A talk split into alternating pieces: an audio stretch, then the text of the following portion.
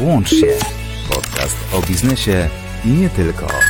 Na program zapraszają Paweł Ptaszyński i Jarosław Nieradka. Czwartek, godzina 20, a zatem pora się e, przywitać, a biorąc pod uwagę dzisiejszą e, e, tematykę, to możemy powiedzieć gastrowieczór wszystkim. Z dużego pokoju kłaniam się uprzejmie Paweł Ptaszyński. A z biura pod parterem wita Was wszystkich Jarosław Nieradka. Jeżeli jesteście głodni informacji na temat e, odmrażania branży gastronomicznej, to koniecznie zostańcie dzisiaj wieczorem z nami, bo dzisiaj goście z ogromną wiedzą, także praktyczną. Agnieszka Mikołajska, reprezentująca Bitfood Farutex, Dzień dobry. A także właściciel zielonogórskiego Klimat Bistro Piotr Michalewicz. Witam serdecznie. Czeka nas zatem rozmowa w dobrym klimacie, ale żeby nie było, że siedzą tu tylko e, gadające głowy i rozmawiają, to oczywiście przypominamy, że jest to podcast interaktywny. Dlatego pamiętajcie, że w każdej chwili możecie włączyć się do rozmowy, zadać pytanie, przekazać swoje spostrzeżenia, podzielić się Waszą wiedzą albo w komentarzach, albo telefonicznie. Masz pytanie? Porozmawiajmy. Zadzwoń teraz pod 669 48 1818 i włącz się do rozmowy. No i ponadto e, warto włączyć się w słuchanie, bo w dzisiejszym wydaniu e, dla jednego zielonogórskiego przedstawiciela branży gastronomicznej będzie e, coś ciekawego do wygrania. Nasz program podzieliliśmy na dwie części, tak żebyśmy łatwiej mogli odnaleźć się w tym szerokim temacie, jakim jest gastronomia. E, W pierwszej części powiemy kilka słów o tym, jak e, branża próbowała poradzić sobie z zamknięciem, które e, spotkało wszystkich ponad dwa miesiące temu. W drugiej części z kolei pomówimy o odmrożeniu i prognozach rozwoju branży. No to jedźmy. Część pierwsza i pierwsze pytanie do naszych gości. E, No trochę czasu to y, trwało, trochę y, wody w Odrze pod, pod mostem w Cigacicach upłynęło. Jak branża próbowała sobie w tym czasie e, poradzić z sytuacją? My też my przyglądaliśmy się i, i, obserwowaliśmy, jak próbujecie sobie e, radzić. Znaczy tak, powiem z punktu widzenia restauracji był to taki szybki strzał. No, nikt z nas nie spodziewał się, że, że zostaniemy zamknięci i że potrwa to tak długo. Ja sam po sobie wiem, że, że w tym pierwszym odruchu postanowiliśmy się zamknąć i, i nie świadczyć usług żadnych, bo uznaliśmy, że będzie to pewnie tydzień, dwa i, i wrócimy do normalnej pracy. Tak się nie stało i, i bardzo szybko było, było jasne, że, że sytuacja potrwa dłużej. E, No i ja z naszego punktu widzenia, ale wiem, że jest wiele restauracji, które nie mają zbyt rozbudowanej, tym bardziej tutaj w Zielonej Górze, tej usługi dowozów czy też wynosów, e, co bierze się też trochę z tego, że, że jest u nas mało, było do tej pory, mało firm, e, które w tym pomagają, tak jak ma to miejsce w większych miastach. E, I tak w moim przypadku również się stało. Nasze menu zupełnie nie grało do tego, do tej sfery wynosowej. Wiele dań po prostu nie nadawało się do przewozu. E, Więc musieliśmy zmienić trochę optykę, zmienić myślenie i, i, i nastawienie naszej restauracji. Ale start naszych wynosów i dowozów zaczął się od akcji pomocowej dla lekarzy, i po tym uznaliśmy, że warto to przedłużyć i dać możliwość naszym gościom, którzy do tej pory odwiedzali nas na sali, e, aby mogli zjeść e, nasze, nasze pyszności na wynos, co wiązało się z tym, że musieliśmy bardzo kreatywnie podejść do, do naszej karty, stworzyć ją praktycznie na nowo, wykreować zupełnie nowe trendy i, i poniekąd niekiedy nauczyć się zupełnie nowych dań. I, e, i w tym zakresie powiem szczerze, nigdy nigdy tak bardzo się nie, rozwinę, nie rozwinęliśmy i nigdy w tym zakresie nie byliśmy tak bardzo kreatywni, jak podczas tych przerw, które mieliśmy i podczas e, tego czasu, który był na to, żeby to, żeby to wszystko jakby wymyślić i zgrać na nowo, bo ja nie ukrywam, dla nas to było trochę nowe otwarcie, czyli zamknęliśmy salę i otworzyliśmy wynos i dowóz. I to był dla nas zupełnie nowy temat. Myślę, że my poradziliśmy sobie dość dobrze i, i, jakby zamierzamy się w tym temacie rozwijać, ale wiem, że też od moich kolegów z branży, że, że jakby każdy mocno e, zaangażował się w temat wynosów i dowozów. I z tego względu, tak mi się wydaje, firmy te, o których wspominałem, których wcześniej na rynku u nas nie były, czyli dowozowe, czy firmy, które mają swoje bazy klientów, e, też międzynarodowe firmy, które do tej pory nie działały na naszym rynku, zaczęły się już interesować i, e, i jakby już pierwsze współprace zostały popodpisywane i podejrzewam, to jest kwestia czasu, kiedy inne restauracje również zaangażują się w ten temat, bo nie ukrywam, wszystkie zewnętrzne firmy, które pomagają nam w dowozach czy też wynosach, e, to jest duża korzyść, bo niekiedy nie jesteśmy w stanie tego realizować po prostu sami, więc, więc wydaje mi się, że branża radzi sobie coraz lepiej, jest to dla nas nowy temat, dla wielu restauracji, ale, ale wydaje mi się, że to jest przyszłość, najbliższa przyszłość e, gastronomii, czyli dowóz i wynos. Te usługi będą na pewno teraz -hmm. na czasie. E, Piotrze, wypada Ci tylko pogratulować tego, że nie siedzieliście z założonymi rękami, tylko naprawdę kreatywnie podeszliście do tego, e, jak wykorzystać tę sytuację. Ale teraz pytanie skieruję do Agnieszki. Agnieszko, pracujesz w firmie, która jest jednym z liderów, jeżeli chodzi o zaopatrzenie gastronomii. Powiedz mi, czy wszyscy tak kreatywnie e, podeszli do, mm, do tej sytuacji, tak jak klimat bistro, i czy wszyscy poradzili sobie e, no, równie dobrze? Czy poradzili sobie równie dobrze, to, to widać na dzisiejszym rynku, że większość lokali jednak nadal działa.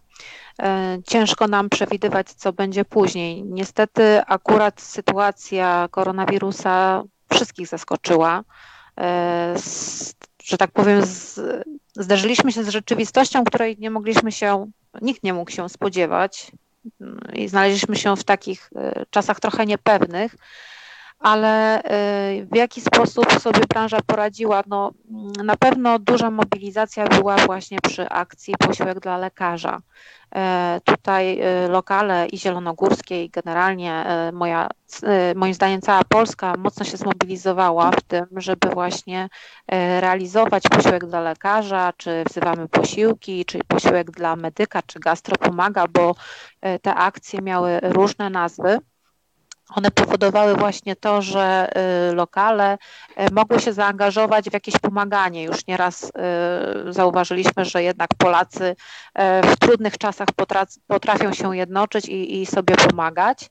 E, bardzo fajnie e, to wyszło, moim zdaniem, tym lokalom, dlatego że my, jako firma, oczywiście, e, co Jarku wspomniałeś, jesteśmy dostawcą branży choreka, czyli wspomagamy takie lokale gastronomiczne po prostu w towar, zatowarowujemy i przy akcji właśnie posiłek dla lekarza mocno się w to włączyliśmy, nie tylko właśnie na terenie Zielonej Góry, ale i całej Polski, co też gdzieś tam staraliśmy się w miarę e, sukcesywnie e, pokazywać, e, szczególnie w social mediach, tak, tak żeby pokazać, że my oczywiście działamy, wspomagamy branżę i staramy się, żeby, żeby po prostu jakoś to pociągnąć dalej ten temat.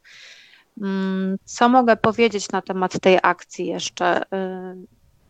No, w lokale zielonogórskie, tak i ogólnopolskie, y, fajnie się włączyły w tą całą akcję. Y, my po prostu dowoziliśmy ten towar, też nasi szefowie kuchni, bo my mamy akademie kulinarne na terenie całej Polski, więc nasi szefowie kuchni, nasi handlowcy y, interesowali się też tym, gdzie można pomóc, w jaki sposób można pomóc. I oprócz tego, że my jako my braliśmy udział właśnie w tej akcji dla medyka, to jeszcze warto podkreślić, że wspieraliśmy domy pomocy społecznej, e, a także e, na przykład e, wspólnotę Chleb Życia Siostry Chmielewskiej, która organizuje taki, taki dom, przytułek tak, dla osób bezdomnych, osób bez jakichś tam perspektyw po różnych przejściach. Także no, jako firma staraliśmy się tam, gdzie mogliśmy w jakiś sposób pomóc, angażować się w tą pomoc. E, Piotrze, y, wy również e, dynamicznie jako Bistro Klimat e, włączyliście się w tę akcję posiłku dla lekarza.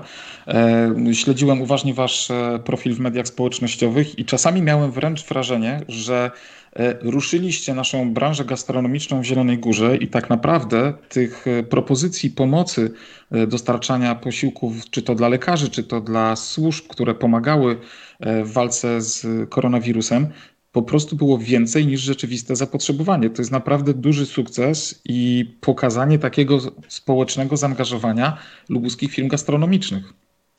Faktycznie wydarzyło się tak, że zapoczątkowaliśmy tą akcję. Nie ukrywam, od samego początku gdzieś zauważyłem podobną akcję we Wrocławiu, w którym e, do niedawna, do niedawna, trzy lata temu mieszkałem.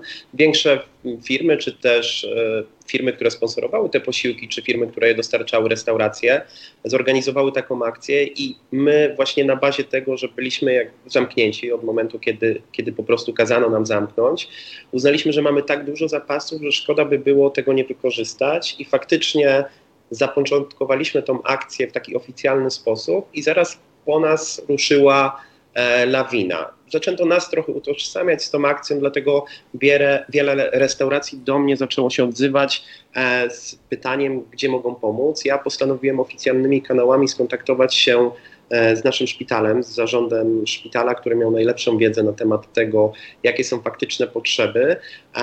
Ustaliliśmy, gdzie jest ten tak faktyczny obszar frontu, pierwszej linii frontu, bo tak to było nazywane. I tam staraliśmy się kierować zapotrzebowanie. Dzięki temu oficjalnemu kanałowi stworzyliśmy taką grupę gastro dla szpitala w ZG. E, tam starałem się dodać jak najwięcej restauracji czy właścicieli restauracji, których znam, ale nie udało się dodać wszystkich. I faktycznie działo się tak, że jednego dnia na oddział na przykład, to pamiętam pogotowia, czy na oddział, do pogotowia, czy chociażby na SOR, e, w porze obiadowej trafiało 30 posiłków dla 10 osób. E, I uznaliśmy, że to trochę nie w tym kierunku powinno iść, dlatego gęste, gęste poszukiwania tych wszystkich osób, które prowadzą gastro, e, były, były takie, aby, aby zaprzestać czegoś takiego, żebyśmy też tego jedzenia nie marnowali. To był dla wszystkich trudny okres i, i szkoda, żebyśmy gdzieś kierowali tą pomoc w miejsca, w które nie jest ona potrzebna, bo na przykład 30 posiłków trafiało w dział, który był już zaopatrzony, a na dział, który typu oddział zakaźny nie trafiło nic. I, I dzięki temu, że znaliśmy oficjalne zapotrzebowanie szpitala, wiedzieliśmy, ile osób na danym dziale pracuje, szpital z tygodnia na tydzień e, nam to aktualizował, e, mogliśmy docierać z naszą pomocą dokładnie w te obszary, w które była ona potrzebna. I tak faktycznie po dwóch tygodniach wydarzyło się, że, że mieliśmy chyba w naszą grupę wpięty, wpięte wszystkie restauracje i trochę ja się stałem tym oficjalnym e, kanałem wywiadowczym, że tak powiem. A propos tego, jeśli ktoś chciał się dołączyć, czy, czy wiedzieliśmy o jakiejś restauracji, tutaj też pomagał e, Farutex, który ma, ma ogromną bazę klientów tutaj na naszym obszarze i, i też do nich kierowano zapytania, jakby mogli pomóc i, i byli przekierowywani do mnie. Biuro Zarządu Szpitala również, jak ktoś do nich dzwonił z prośbą o to, że, że chciałby um, kupić posiłki dla medyków, czy też w jakiś sposób pomóc, kierowało, e, kierowało te pytania do mnie i mogliśmy faktycznie dostarczać tyle posiłków, ile, ile potrzeba. Nie ukrywam, w ostatnim etapie akcji, kiedy, kiedy my już długo wszyscy byliśmy zamknięci i naprawdę, e, że tak powiem, jechaliśmy na oparach, E, największą pomoc okazywały nam te firmy, które nam pomagały i tutaj, e, tutaj naprawdę chylę czoła dla Bitfoodu, Farutexu, bo, bo chyba z tych dużych graczy na rynku, jeśli chodzi o, o dostawców um, Horeka, to Farutex był z nami od samego początku do samego końca akcji e, i, jako pierwsi odpowiedzieli na nasz apel i, i, i, chyba jedyni z tego, co kojarzę, bo oczywiście były firmy później kolejne, które nam dostarczały opakowania i to były lokalne firmy, bo te opakowania też szły w ilościach bardzo dużych, więc, więc to było bardzo fajne. Dodam tylko, co, co pokazuje efekt tej, znaczy efekt, skalę tej naszej pomocy do, do szpitala, codziennie od samego początku naszej akcji do szpitala za darmo, zupełnie za darmo, wyjeżdżało około 60 i w porywach do 80 posiłków.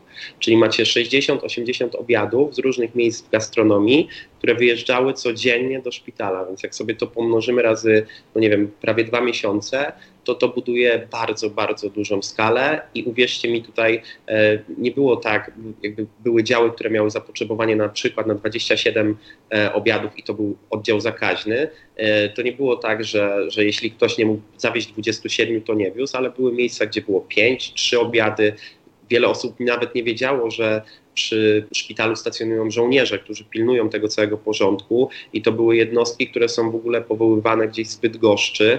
E, oni tutaj zupełnie nie znali e, tematu i, i do nich też ta pomoc docierała. Oni zostawali na nocki, wieczorem też trzeba było im coś przywieźć, więc, więc naprawdę skala dostarczanych posiłków była w pewnym momencie bardzo duża, e, ale nie ukrywam, że, że pomoc, którą my, jako my restauracje tutaj na rynku lokalnym dostawaliśmy, ona też była bardzo duża i mogliśmy się w ten sposób odwdzięczyć. Dla mnie personalnie najlepszą, e, najlepszym podziękowaniem jest to, kiedy mogliśmy się otworzyć w poniedziałek, przychodzili do nas nasi goście i mówili, że do tej pory nie znałam tego miejsca, ale chciałam się odwdzięczyć za Waszą pomoc. I uwierzcie mi, to jest takie najbardziej budujące w tej całej akcji i pokazuje, że to miało sens.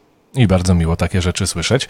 E, wspomniałeś, Piotrze, że e, Bitfood Farutek z dużym wsparciem e, się wykazał. To właśnie teraz zgrabnie przejdźmy do tego, co nastąpiło jeszcze przed odmrożeniem w ubiegły poniedziałek.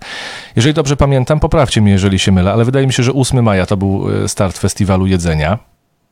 Tak, dokładnie. Festiwal jedzenia, Jest. właśnie. I o tym chcieli, chcielibyśmy teraz też e, porozmawiać. Skąd taki pomysł, jak e, wygląda e, realizacja tegoż festiwalu i czy jeszcze on trwa? Pomysł festiwalu jedzenia wyszedł z naszej firmy jako ukłon właśnie do lokali gastronomicznych.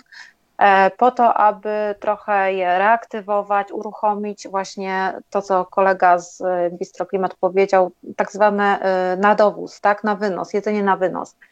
E, chodziło o to, żeby no jednak uratować tą lokalną naszą gastronomię, żeby się nie zamykali, żeby każdy nie popadał w taki marazm, bo nie ma co się e, oszukiwać. Jednak gdzieś tam taki zaprzeczenie, opór w procesie zmiany tego, co, się, co nas spotkało w związku z koronawirusem, e, też nas dotknęło, tak? I jako nas, jako firmę, zauważyliśmy, że lokale troszeczkę też gdzieś tam niektóre nie działają, zamykają się, czekają, nie wiadomo co to będzie, no bo taka jest, e, taka jest sytuacja, że faktycznie nie byliśmy w stanie powiedzieć, czy to jest tylko chwilowy przestój, czy, czy na dłużej. I festiwal jedzenia jest właśnie taką inicjatywą, ukłonem właśnie w kierunku lokali gastronomicznych z naszej Zielonej Góry po to, aby mogli się e, pokazać, że działają, że się otworzyli, e, że bezpiecznie, higienicznie na wynos czy na dowóz mogą dostarczyć e, swoje dania festiwalowe. Festiwal Jedzenia, możecie o tym poczytać na stronie www.festiwaljedzenia.pl. Tam są też przedstawione właśnie restauracje, bary, pizzerie, puby i kawiarnie, które biorą udział w tym festiwalu jedzenia.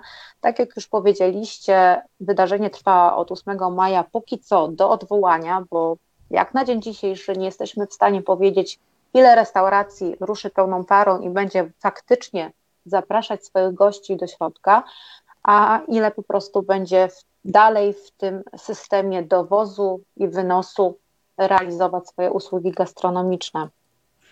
Festiwal Jedzenia ma taką ideę, że mm, danie festiwalowe y, samo w sobie nie przekracza 25 zł, więc myślę, że to jest bardzo atrakcyjna kwota na, nasz, y, na naszym lokalnym y, rynku gastronomicznym. No i, no i co? I, I wszyscy klienci, fani różnych lokali gastronomicznych mogą w ten sposób właśnie wesprzeć swoje ulubione lokale właśnie w tym trudnym czasie poprzez y, zamawianie mm, dań festiwalowych, ale też nie tylko.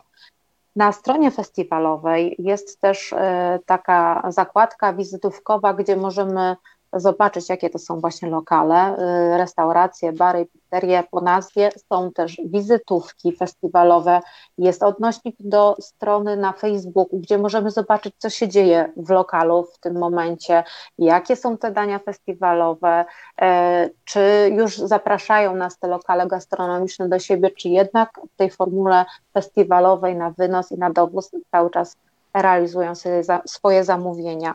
Jeżeli chodzi o ilość e, e,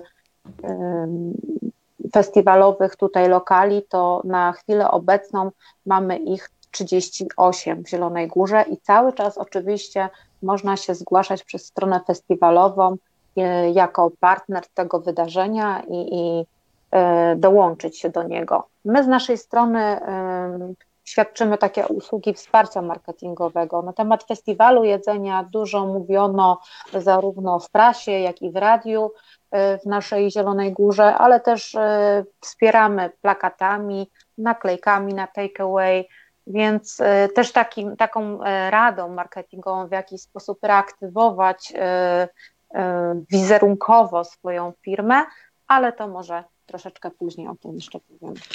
Jasne, Agnieszko. Ja myślę, że w tym miejscu warto podkreślić i, i, trochę upomnieć naszych słuchaczy, żeby broń Boże nie korzystali ze wszystkich 38 ofert w ciągu jednego dnia.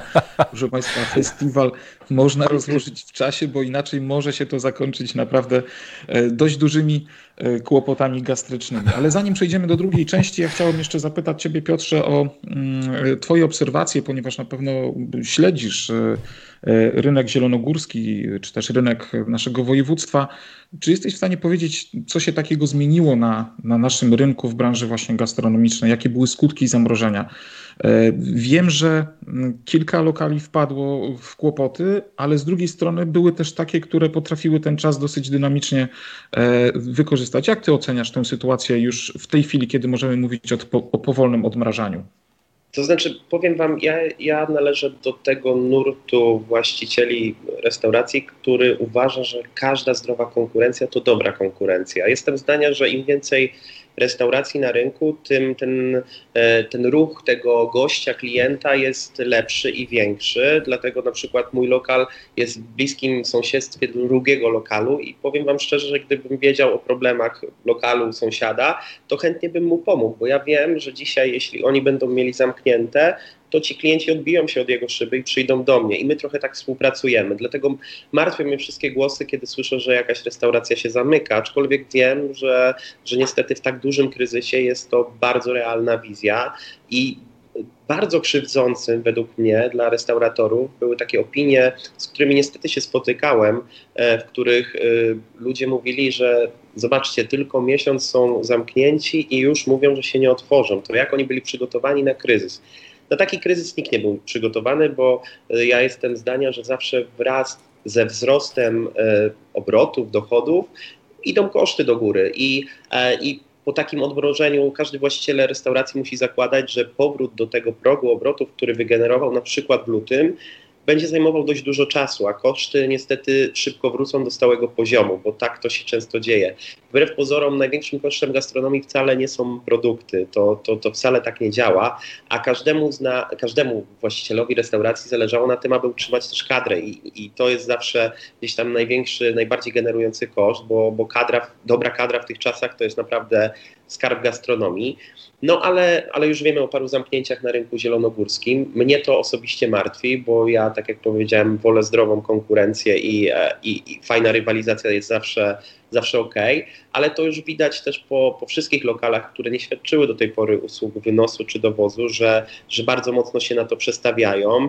E, wiele firm zewnętrznych, które wchodzą na nasz rynek, też szybko jakby e, zwietrzyło temat, że, że ten rynek tutaj nasz zielonogórski ma bardzo duży potencjał i już wiemy o tym, e, że, że na rynku pojawi się Uber, co kiedyś wydawało się, że, że on tutaj nie wejdzie, także Uber na pewno będzie, będzie na pewno Glovo.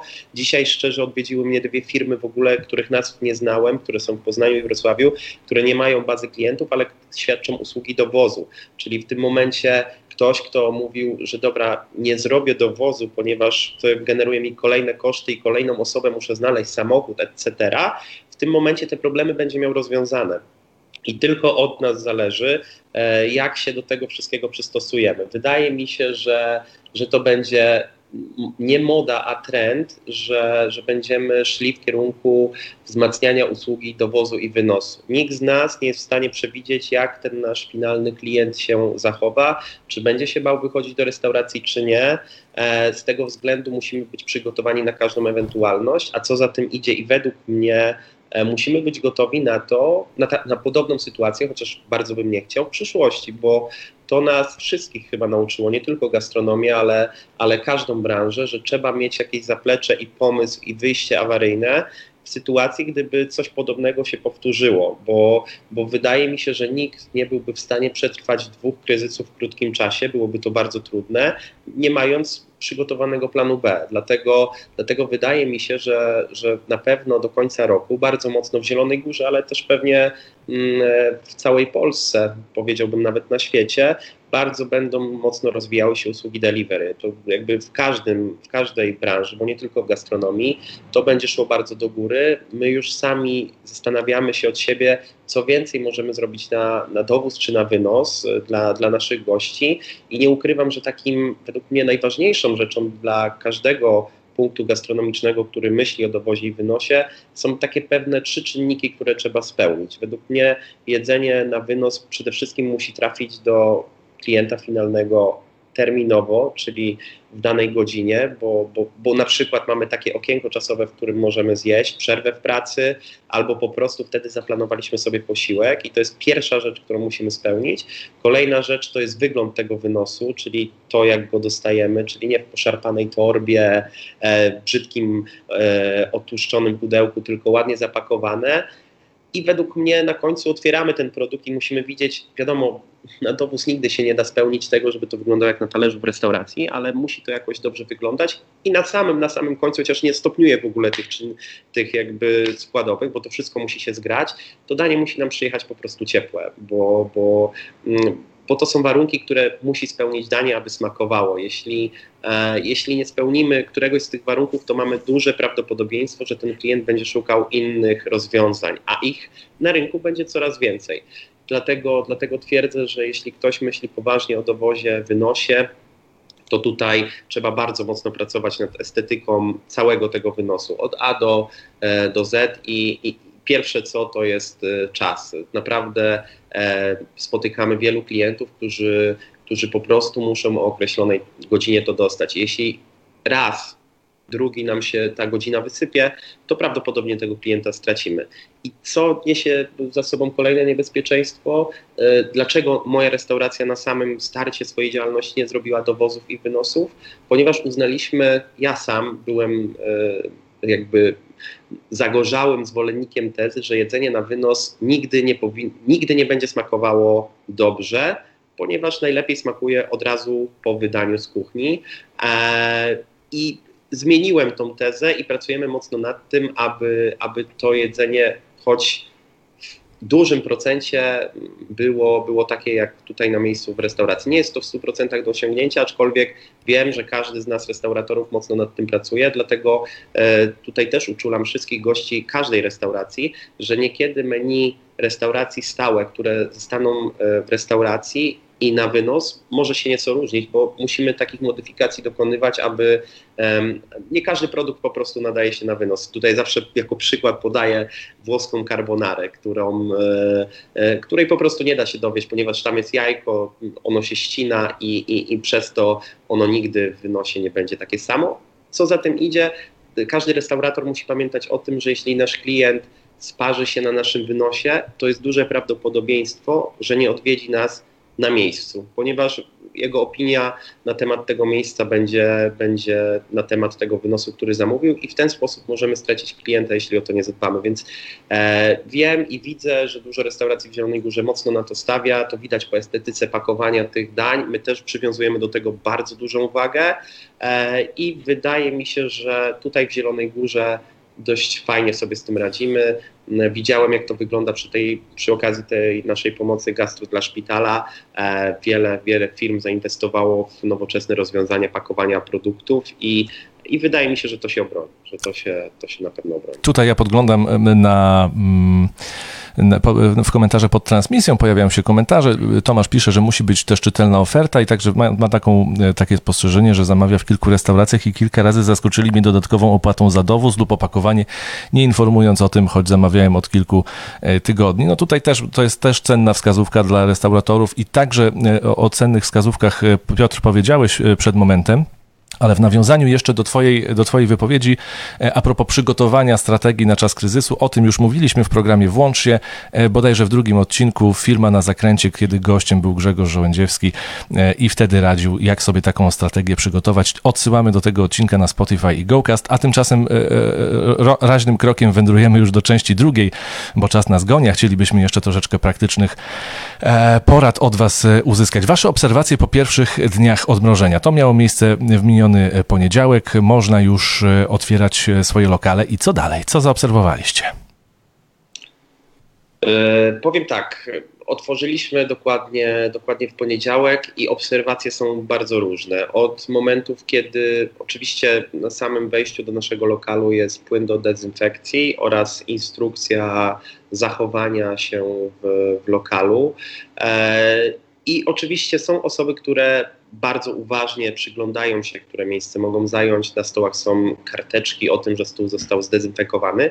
I powiem Wam szczerze, że informacja o zdezynfekowanym stole powoduje, że nasi goście zajmują miejsca, gdzie tej karteczki nie ma. Czyli ona wywołuje taki trochę efekt zamieszania, y, coś takiego jak kartka z rezerwacją, a okej, okay, to tutaj nie siadam, tak jakby to słowo zdezynfekowany powodowało, że, że tutaj nie można usiąść, bo on jest świeżo, nie wiem, pokropiony chemią i... Bo pobrudzisz. I goście, I goście zajmują, i goście zajmują po prostu stoliki, gdzie tej karteczki nie ma, a ten stolik nie jest zdezynfekowany, bo jeszcze nie zdążył, bo na przykład ktoś dopiero e, od niego wstał. I faktycznie faktycznie jest, ja bym to podzielił trochę na pół. pół połowa osób y, faktycznie widzę, że ściąga tą maseczkę dopiero przy stoliku, a połowa w ogóle wchodzi bez maseczki.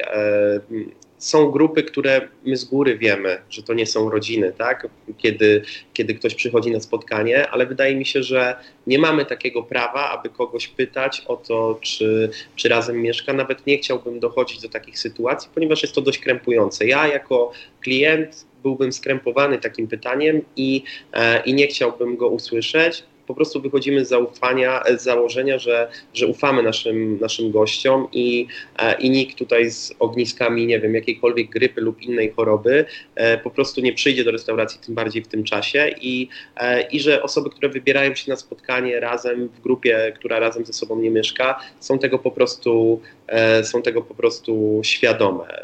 Jeśli chodzi o sam ruch e, w restauracjach, bo też obserwuję nasz zielonogórski deptak, to wydaje mi się, że z każdym dniem ten ruch jest coraz większy, to też widzę po swojej restauracji, e, aczkolwiek e, wydaje mi się, że czasami trochę złą robotę robią nam chociażby media, które, które tak bardzo mocno mm, wskazują wszystkie e, rzeczy, których my musimy w restauracji przestrzegać. I jak się słucha tego przekazu medialnego, to można usłyszeć o 20 wytycznych, czy nawet więcej, które ta restauracja musi spełnić, której ten klient docelowy e, musi spełnić, a tak na dobrą sprawę, to uwierzcie mi, my restauratorzy przykładamy bardzo dużą wagę do higieny i, i zachowania czystości w lokalu. I połowę z tych rzeczy, które są wymieniane, a nawet więcej niż połowę, my przestrzegaliśmy dużo przed tym i to, to nie jest tak, że nagle w restauracjach zaczęto, zaczęto dbać o porządek, bo o niego dbaliśmy zawsze. To, że na przykład u nas ozonuje się raz na jakiś czas salę, to też nie jest dlatego, bo jest koronawirus, tylko robiliśmy to dużo wcześniej i,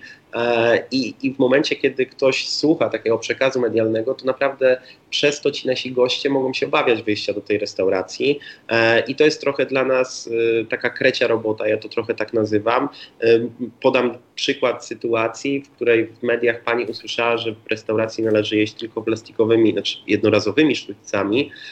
Siadając, zajmując miejsce przy stoliku i zobaczyła sztućce normalne, zapytała, czy takimi można i, i, gdzie są jednorazowe, więc jakby tutaj też musieliśmy to wytłumaczyć, że okej, okay, jest taki przepis, ale on dotyczy tylko miejsc, w których sztućce podaje się ileś zestawów w jednym koszyku i wtedy faktycznie to nie może zostać tak podane, ale w innym przypadku możemy normalnie podać zwykłe sztućce, dlatego tutaj do, do, taka informacja dla naszych klientów, że, że my tych zasad i, i, i norm postępowania w restauracji, czy też dezynfekcji niektórych miejsc przestrzegaliśmy dużo wcześniej to nie jest tak, że nagle się obudziliśmy i, i musimy to robić, więc te warunki, które my musieliśmy spełnić, szczerze, według mnie poza płynem do dezynfekcji, który musimy postawić przed, e, przed wejściem i instrukcją oraz rozsadzeniu odpowiednich stolików, spełnialiśmy wcześniej. No jeszcze dość dużym dyskomfortem, co się okazuje teraz dla naszych e, dziewczyn, które pracują na sali, czy, czy za barem, czy dla kuchni,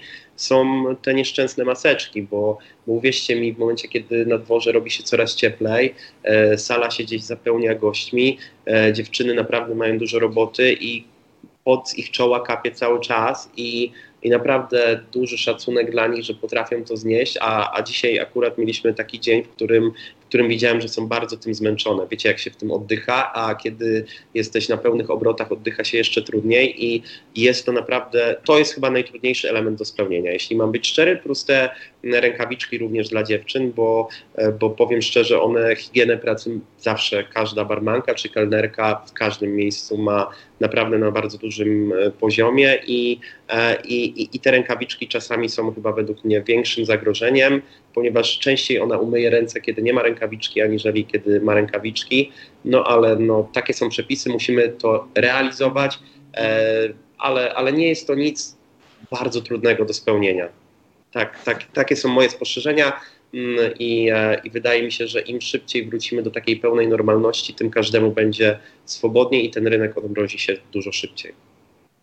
E, dokładnie tak. Myślę, że wszyscy jesteśmy podobnego zdania, natomiast e, taką przeszkodą na pewno dla wielu, wielu z nas, dla wielu klientów są te obawy, o których też wspomniałeś Piotrze. I teraz y, pytanie kieruję do Agnieszki. Agnieszko, y, zajmujesz się zawodowo y, marketingiem, zajmujesz się zawodowo promocją. Powiedz mi, czy zaobserwowałaś jakieś trendy w tym ostatnim czasie, może jakieś nowe strategie marketingowe dla branży gastronomicznej? Wiemy na pewno, że były bardzo mocno obecne, przynajmniej niektóre lokale w internecie, głównie w social media. Jak ty oceniasz ten kierunek, ten trend? E, no, sytuacja, która nas zastała, czyli ta niepewna, zmienna, złożona i niejednoznaczna, czyli tak zwana e, rzeczywistość WUKA, o której też się mówi przy zarządzaniu, e, postawiła nas w takiej sytuacji, że wszystko się przyniosło gdzieś do telewizji i do internetu.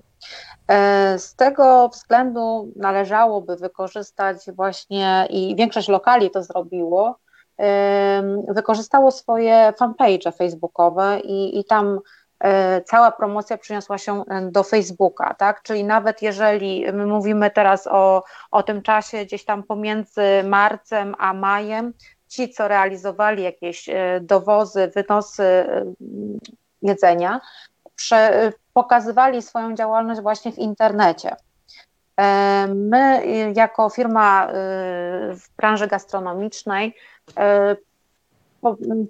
proponujemy różne pakiety takich rozwiązań marketingowych, na przykład jeżeli chodzi o otwarcie lokali, które nastąpiło teraz w poniedziałek 18 maja, to y, ze swojej strony przygotowaliśmy taki poradnik marketingowy, który jest do pobrania.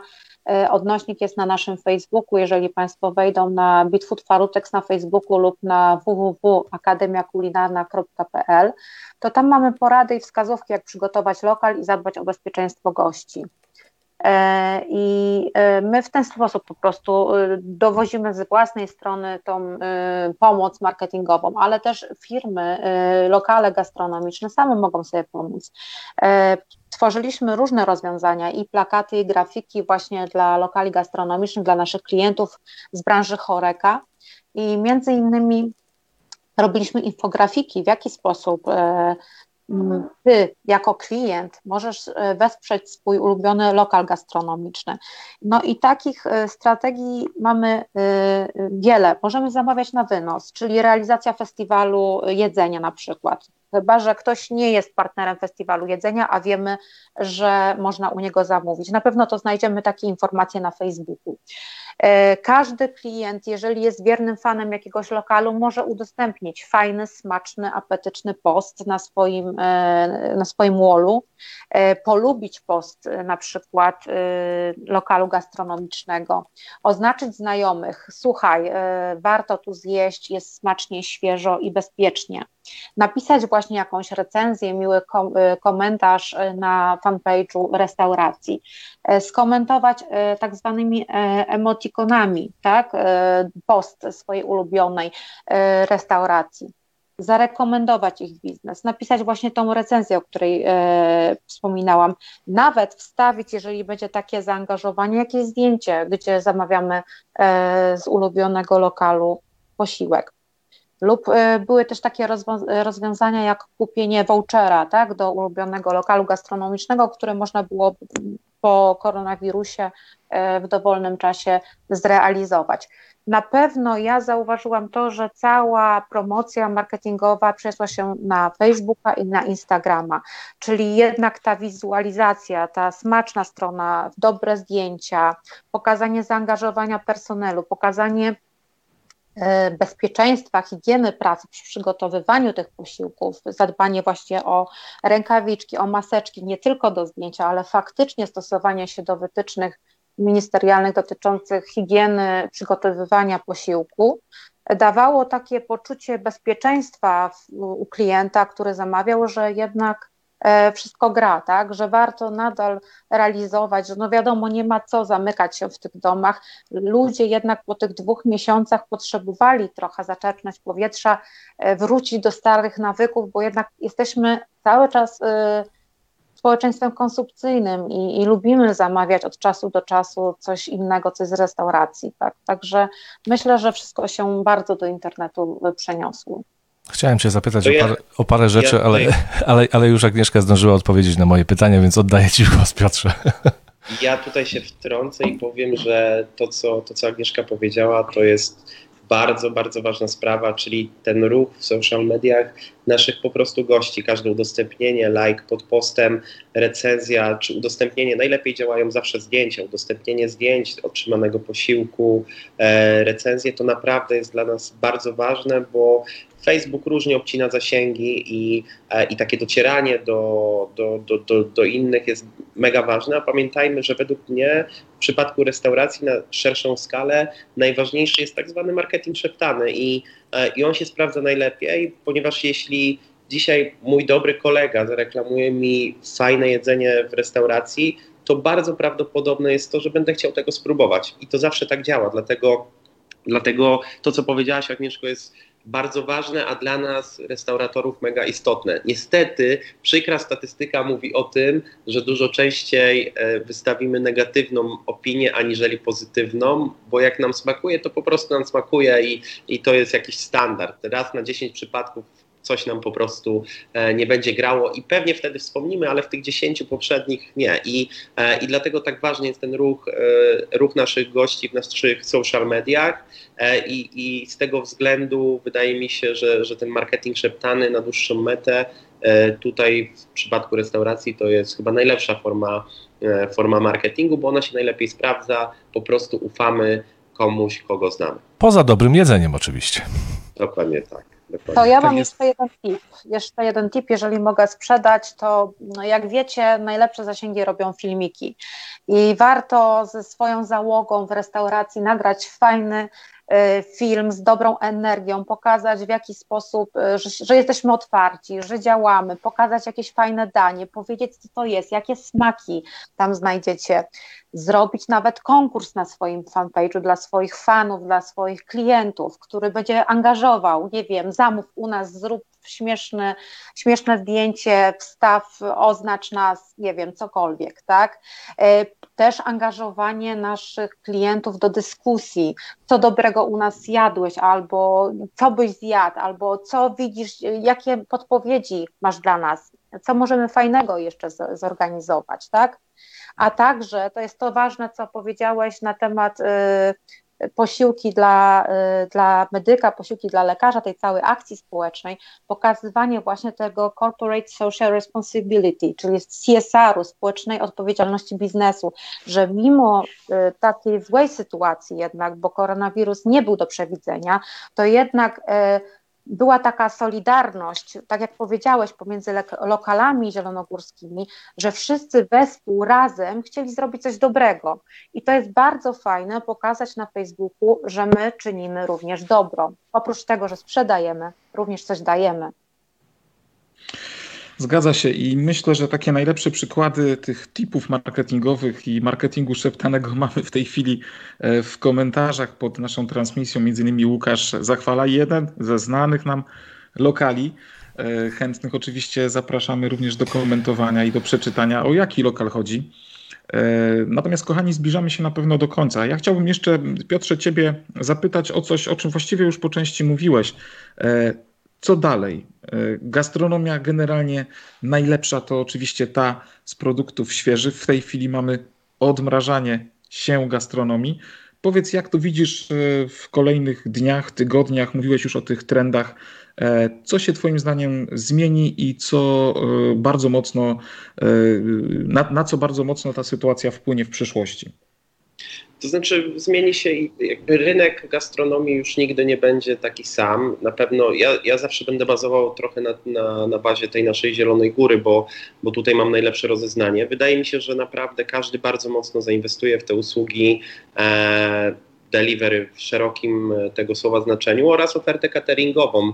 Już teraz mamy, co też jest dla nas trochę wyznacznikiem trendu, wiele zapytań o organizację mm, przyjęcia, imprezy urodzin e, w formie cateringowej, na przykład e, gdzieś u kogoś w ogrodzie. To się nie zdarzało. To były jakieś e, może pojedyncze przypadki, ale w tym momencie mm, osoby, które na przykład bardziej się boją zagrożeń, które, które są, które były, te swoje przyjęcia przenoszą do siebie i jeśli ktoś nie jest w stanie organizować swojej logistyki obiadowej dla, dla rodziny, dla 20 osób, to po prostu będzie wspomagał się restauracją. Do tej pory zorganizowałby to u nas na miejscu, a w tym momencie będzie wybierał catering. I wydaje mi się, że to też jest fajna wskazówka, w jaki sposób zapełniać sobie tak zwane luki, e, które generuje gastronomia. W martwe dni e, wydaje mi się, że, że, że to są takie momenty, w których my możemy e, planować i myśleć, y,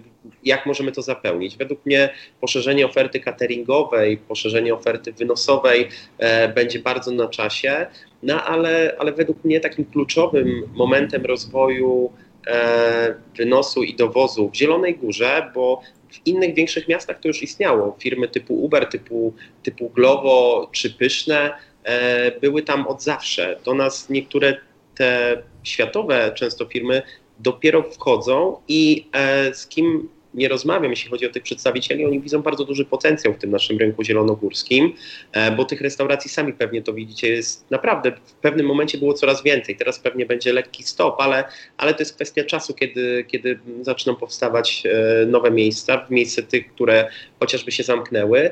E, dlatego jestem zdania, że te wszystkie firmy, które wejdą i które będą nam kooperowały w tej, w tej współpracy wynos-dowóz, to jest tylko in plus i to pomoże bardziej wchodzić w świadomość klientów. Nie możemy zapominać, że, mm, że te firmy mają potężne bazy klientów, te firmy mają dużo lepsze narzędzia marketingowe, dużo większe środki na ten marketing.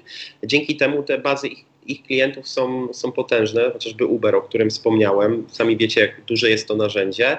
E, I one na pewno pomogą ożywić nam te usługi dowozu i wynosu. I teraz, jeśli w jakiś dzień, typu poniedziałek, wtorek, mówi się, że w gastronomii to są takie najtrudniejsze dni, e, jeśli zrobimy jakiś happy hour, czy, czy zrobimy jakąś ciekawą promocję, po to, by e, produkt rotował, bo według mnie to jest zawsze w restauracji najważniejsze, to wychodzimy na plus. Jeśli nawet ten dzień zamkniemy, e, zamkniemy na zero, a nie na minus, bo na przykład nie byłoby tych gości, to to jest tak na dobrą sprawę plus dla tego restauratora, bo wie, że w następne dni będzie już tylko lepiej. I, e, i naprawdę według mnie e, na całym świecie, nie tylko gastronomicznym, ale ale każdym, bo, bo wiem, że firmy, które do tej pory działały tylko na w dostawach, to firmy, nie wiem, sprzedające ubrania, buty, wiem, że miały bardzo duży ruch w interesie, bo to były jedyne firmy na rynku, które, mm, które zatrudniały, a nie zwalniały. Więc jakby wydaje mi się, że, że ludzie i mentalność ludzka jeszcze bardziej przestawi się na to, że że nie muszę wychodzić, mogę zamówić do domu. I, e, I widzę w tym ogromny potencjał, i każdy, kto będzie próbował rozwijać się w tej materii, może docelowo odnieść sukces, aczkolwiek według mnie tutaj e, tylko taka codzienna, jak ja to mówię, mrówcza praca i polepszanie swojej oferty będzie skutkowało tym, że będziemy zatrzymywać tego klienta. Niestety gastronomia jest takim tematem, w którym zawsze to powtarzam swojej ekipie, klienta jest bardzo trudno zdobyć, ale bardzo łatwo stracić. I, e, i dlatego według mnie stałe polepszanie swojej oferty ma sens i, e, i będzie jakby docelowo generował sukces, bo, E, bo jednak klienci będą coraz bardziej wymagający. Będziemy rozwijać tą ofertę dowozu. Sami zobaczcie, zamówcie, zamawialiście pewnie jedzenie dwa lata temu, trzy lata temu, wiecie, że to jechało w styropianowym opakowaniu, niejednokrotnie dostawaliście prosto ten styropian do ręki. Wydaje mi się, że już takich sytuacji będzie bardzo mało. Każdy ma ładnie, estetycznie zapakowaną torbę, więc wszystkie firmy, które produkują opakowania, w tym momencie prześcigają się w, tym, jak kreatywnie e, sprzedać opakowanie, jak kreatywnie je wyprodukować, żeby ono dobrze wyglądało tego naszego klienta, bo to jakby musi być taka pełna symbioza między tymi wszystkimi układami, żeby, e, żeby ten klient finalny dostał, dostał po prostu ładnie podane danie. Zasymulować mu, ja to trochę tak nazywam, zasymulować mu tą talerzówkę, czyli podanie talerzowe w domu, czyli otwiera i najpierw widzi, bo tak zawsze jemy tak, jemy na początku oczami i, i ten efekt trzeba osiągnąć, a dopiero później jest smak. E, I, I niejednokrotnie jest trochę tak, że e, możecie podać danie, które jest po prostu ok, ale będzie ładnie wyglądać i w głowie już budujemy sobie efekt tego, że ono musi być pyszne, a zupełnie odwrotnie będzie, kiedy podamy gdzieś rzucony makaron po prostu do styropianowego opakowania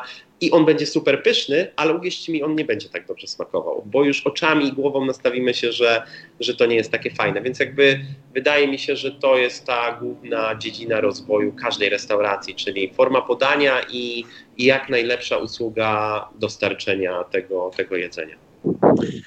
Y, znamy wobec tego już y, trendy, przynajmniej te, które y, Twoim zdaniem będą się rozwijać. Na pewno będziemy śledzić, ale co najważniejsze, zamierzamy też na bieżąco próbować, kosztować, odwiedzać zielonogórskie i lubuskie lokale gastronomiczne. Zanim jeszcze się pożegnamy i powiemy, jak zdobyć dzisiejszą nagrodę, to jeszcze krótka informacja. Pamiętajcie, że ten i pozostałe odcinki podcastu Włącz się są dostępne na Spotify i na platformie GoCast. Warto też podzielić się tym linkiem z dzisiejszego odcinka z tymi firmami, z tymi osobami, które działają w branży gastronomicznej. Może dzięki temu będzie po prostu wiodło im się lepiej. A za dzisiaj, za dzisiaj i za udział w programie dziękujemy Agnieszce Mikołajskiej z Bitwood Farutex. Dziękuję serdecznie. Y, oraz Piotrowi Michalewiczowi z Klimat Bistro. Dziękuję serdecznie i do zobaczenia u nas na sali. Pozdrawiamy serdecznie, a na sam koniec e, wspomniany pakiet nagród dla któregoś z przedstawicieli branży gastronomicznej w Zielonej Górze. E, jest to promocja tegoż zielonogórskiego lokalu na fanpage'u i grupie Krzemowa Góra. To jest nagroda od Profiteo Group, natomiast e, CNW Media zapewni pakiet klipów i grafik do społecznościówek. A jak zdobyć taki zestaw nagród? Bardzo łatwo. Po pierwsze, jak wspomniał Paweł, musi być to lokal, który działa na terenie Zielonej Góry. Po drugie, trzeba jak najszybciej wysłać prywatną wiadomość o treści Włączam się do naszego facebookowego fanpage'a Krzemowej Góry. Włączam się w prywatnej wiadomości. Kto pierwszy, ten lepszy. Do dzieła. Za dzisiejszy udział w programie dziękuję Jarosław Nieradka i Paweł Ptaszyński. Biznesowych snów. Do usłyszenia za tydzień. Włącz się w każdy czwartek o 20 na żywo na facebookowym profilu CNW Media.